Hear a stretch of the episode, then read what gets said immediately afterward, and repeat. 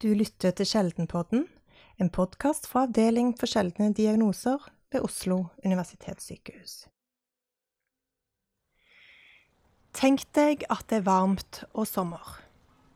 Du er 15 år, og venninnegjengen planlegger strandtur.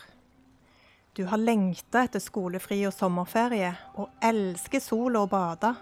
Men stranden, våger du? Gjennom flere episoder skal vi se nærmere på hvordan det er å være ung med en sjelden diagnose, og hva behandlere bør vite og gjøre i møte med pasienten.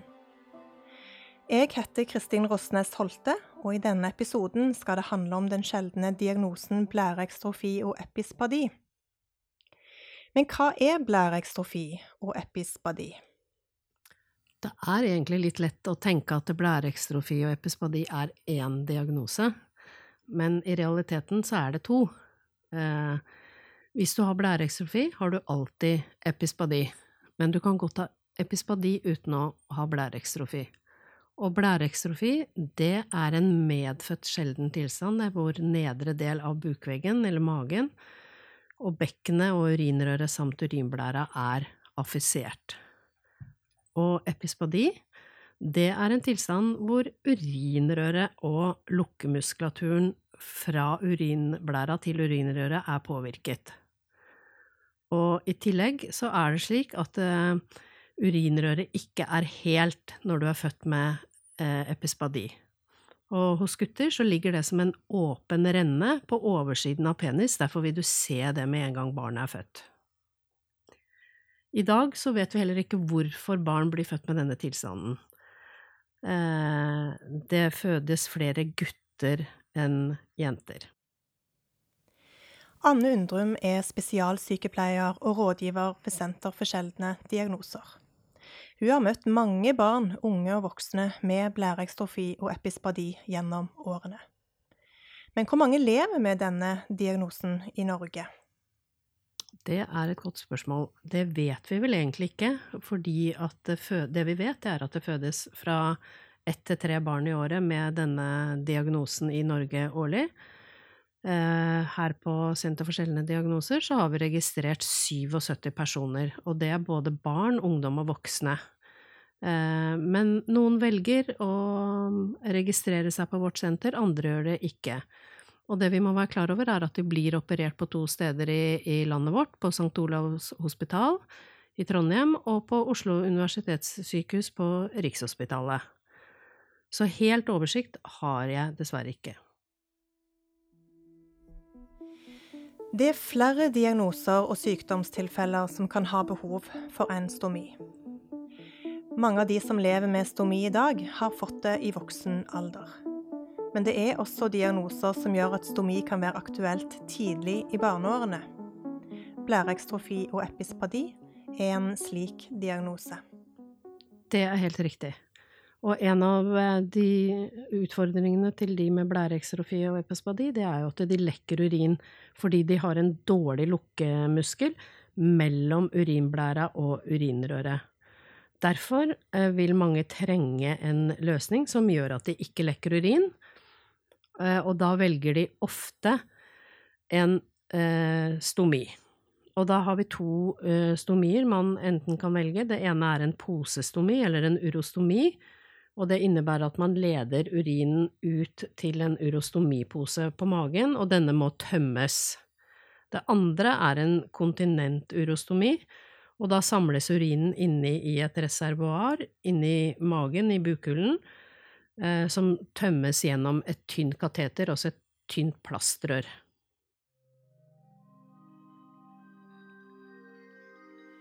I 1999 kommer Thea til verden på sykehuset i Gjøvik.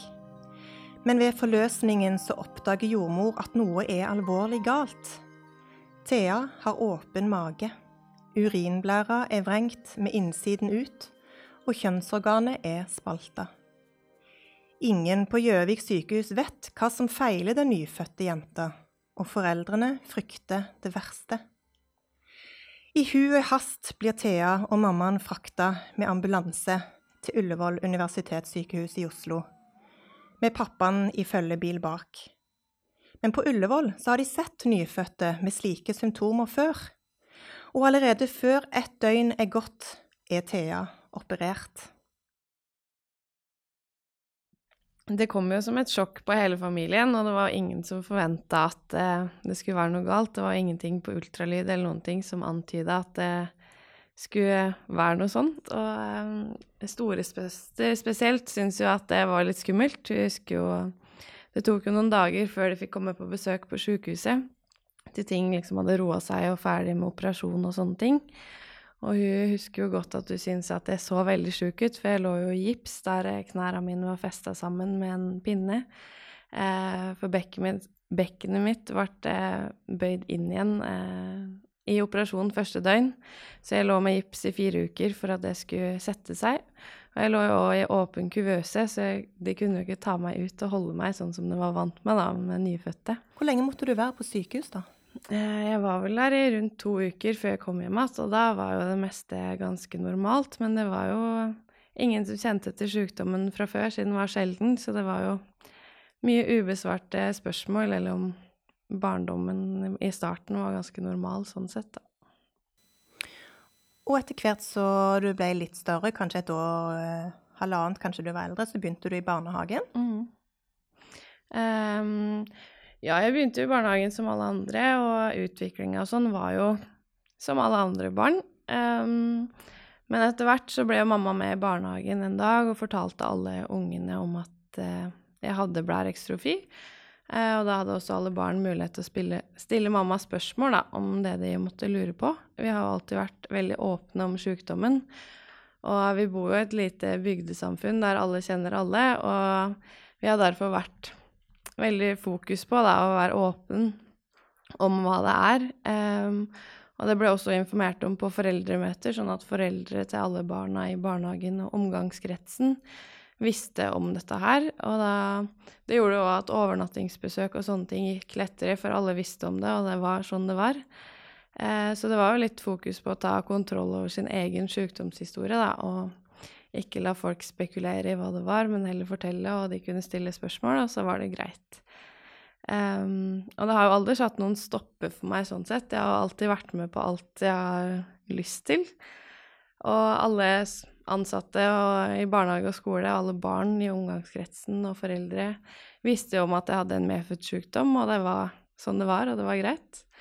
Um, eneste de merka, var at jeg hadde et eget skap på ene doen på skolen med alt utstyret jeg trengte i, og det var det eneste de tenkte over, eller la merke til. Det var ikke så mange som tenkte over det i utgangspunktet. Var det mammaen din som informerte på skolen òg? Eh, I skolen så eh, tok jeg kontroll sjøl, og da Det var jo det samme jeg gikk på skole med som barnehagen, så det var jo ikke så mange nye. Så da eh, dreit vi litt i det, og så tok jeg kontroll sjøl. så det var liksom Noen har diabetes og må måle blodsukker, og jeg hadde bleie og måtte skifte det, eller seinere da sette kateter. Selv om Thea og familien har vært åpne om sykdommen hele veien, og venner og klassekamerater var vant til at Thea hadde kontinenturostomi, vet hun gjennom samtaler med andre i samme situasjon at ungdomstiden kan være en tøff og vanskelig tid. Eh, gjennom foreninga så kjenner jeg jo eh, mange både på min egen alder og andre, så jeg har jo prata med mange om eh, åssen de syns Eller hvordan livet har vært da med en sjelden sykdom. Jeg har jo f.eks. ei venninne som har mye mer problem enn det jeg har hatt. Hun sliter jo mye med traumer fra barndommer. Hun husker mye smerter. Det var alltid et styr å komme på sykehuset. Eh, dårlig kjemi med sykepleier og kirurg, og det var mest traumatisk. Og hun eh, går jo nå i, fortsatt i behandling eh, og terapi. Og blant gutter så er det jo De ser jo annerledes ut nedentil, de òg. Der er det jo mye fokus på det i ungdomsgjenger, eh, størrelse, åssen det ser ut og sånne ting, og det er jo et sårt tema for guttene spesielt, da. Um, og den overgangen fra barn til ungdom er jo tøff for mange. Pubertet og fokuset blir snudd om, det blir mye prating rundt omkring, og man skal tøffe seg litt og Eh, så det er jo mange som sliter med f.eks. arr på magen eller en plaster over stomiåpningen som er ukjent for alle andre. Eller også stomipose for de som har det. Og det er jo mange som finner på ulike unnskyldninger for å unngå ubehagelige situasjoner. Eh, skal vennegjengen på stranda eller i badeland, så er jeg plutselig sjuk, eller jeg er opptatt eller skal bort i familieselskap. Eh, eller så kan jeg ikke bade i dag, for jeg kan ikke bli sjuk til jeg skal bort i morgen.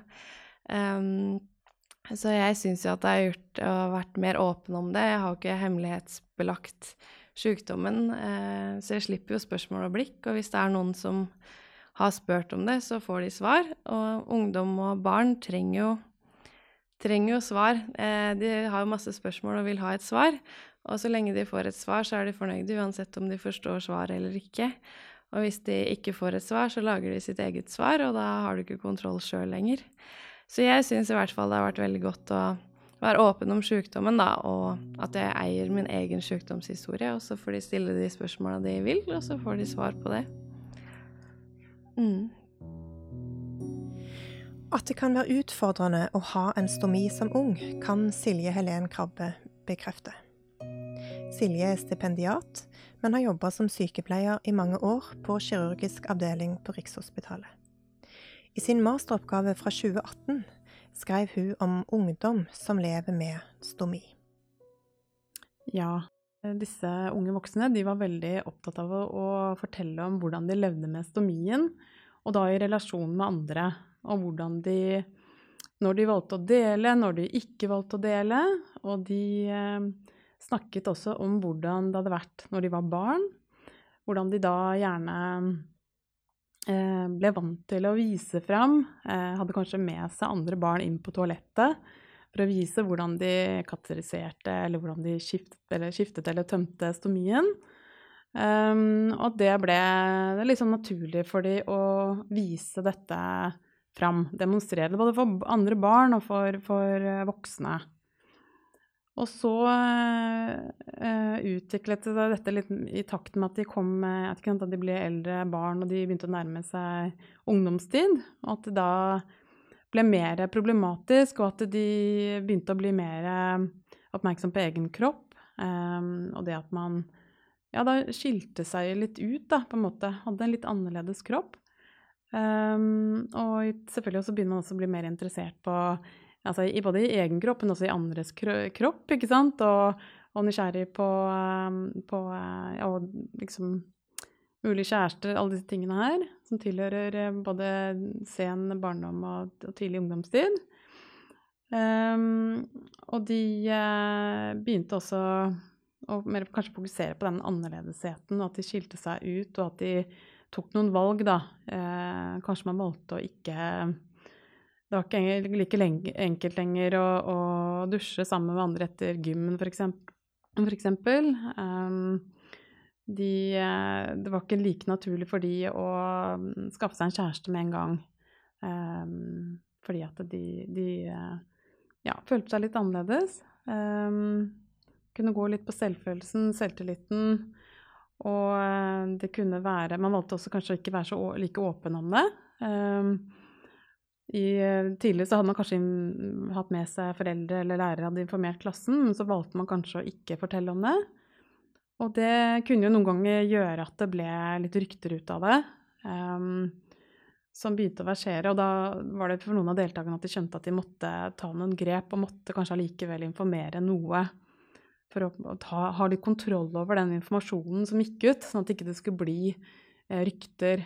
Um, ja, var det mange som fikk kommentarer?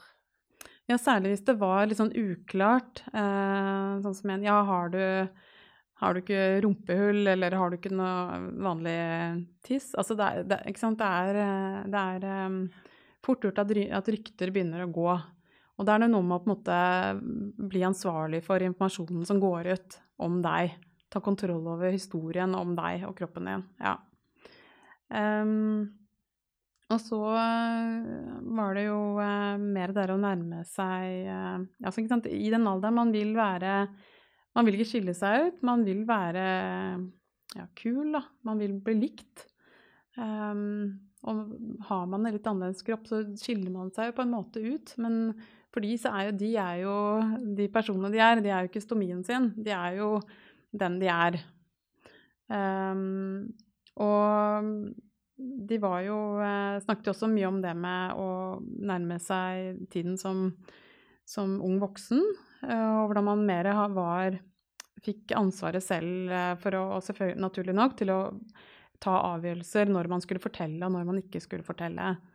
Og at de har blitt eh, på en måte funnet strategier for hvordan de gjør det. De, For det er jo, er jo, en del av kroppen og kroppsfunksjoner som vi vanligvis ikke prater om. Eh, det er jo tabu. og Det er ikke noe sånn at eh, vi som ikke har så mye, vi går jo ikke rundt og forteller mye om eh, Eh, altså verken tarminnhold eller urin altså Det tilhører noe vi ikke snakker om. Det er jo også sånn at vi snakker jo ikke om altså, det som skiller seg ut med kropper omtrent i det hele tatt. Um, de skal jo være veldig perfekte, og kanskje spesielt jenter også. Det skal, ikke, det skal ikke lukte når vi går på do, du skal ikke lage lyd. Det er jo sånn, Vi demper jo alt som er fra kroppen. Vi prøver jo på en måte å disiplinere kroppene våre til å, til å ja, bare smelte inn.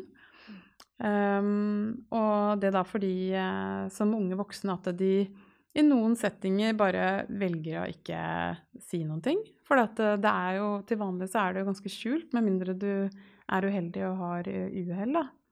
Eh, altså, uh, har du en tarmstomi og det blir en lekkasje Men ofte så klarer ikke sant? De, Disse er blitt så vant til det at de, de har gode rutiner for det.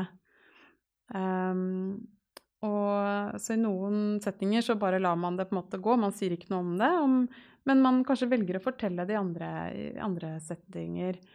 Og eh, at det noen gang kan være en sånn eh, Det kan jo være godt også å få lov Altså dele det med andre.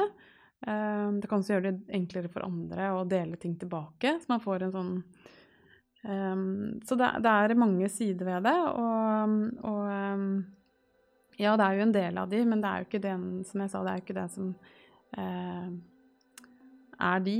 De er jo ikke stomien sin. For Thea var overgangen fra barn til ungdom ganske ukomplisert. Men det var én ting som var litt utfordrende. Hun gikk fortsatt med bleie, og nå nærmer det seg ungdomsskolestart.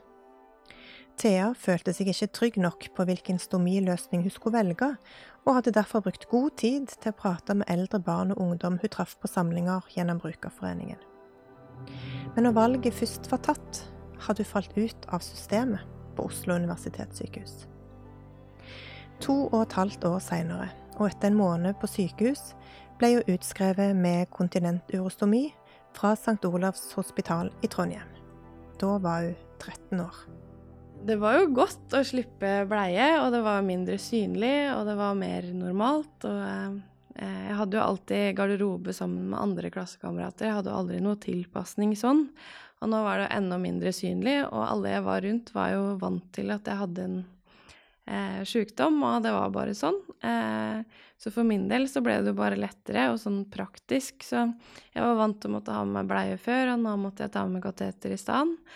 Og jeg var jo da 13 år, så jeg kunne ta egen kontroll over eh, sykdommen og slapp at mamma og pappa skulle passe på å ringe til skolen for å ha klokkeslett, og jeg kunne liksom ta kontroll sjøl og var voksen nok til å skjønne alvorligheten i det hvis jeg ikke gjorde det jeg måtte. I denne temaserien så vil vi gi svar på hvordan det er å leve som ung med en diagnose svært få andre har. Vi samler også inn gode råd fra de som kjenner diagnosen best, og til deg som skal yte medisinsk hjelp og behandling.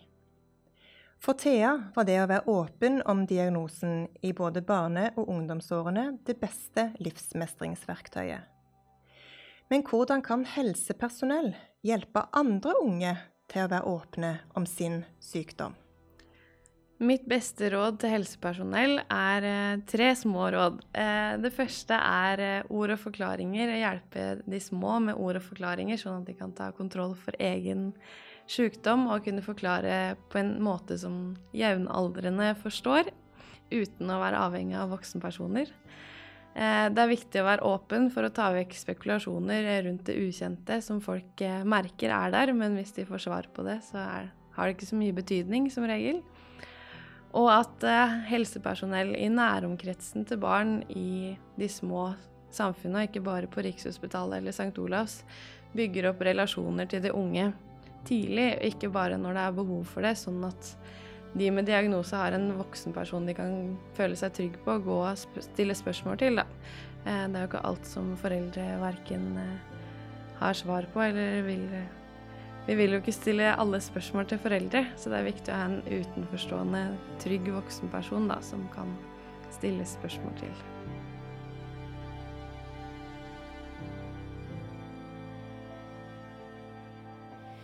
Du har hørt på Sjeldenpodden, en podkast fra Avdeling for sjeldne diagnoser ved Oslo universitetssykehus. Denne episoden er produsert av meg, Kristin Rosnes Holte. Medprodusent til Marit Skram i godt samarbeid med Silje Systad. Ansvarlig for podkasten er Olve Mollestad.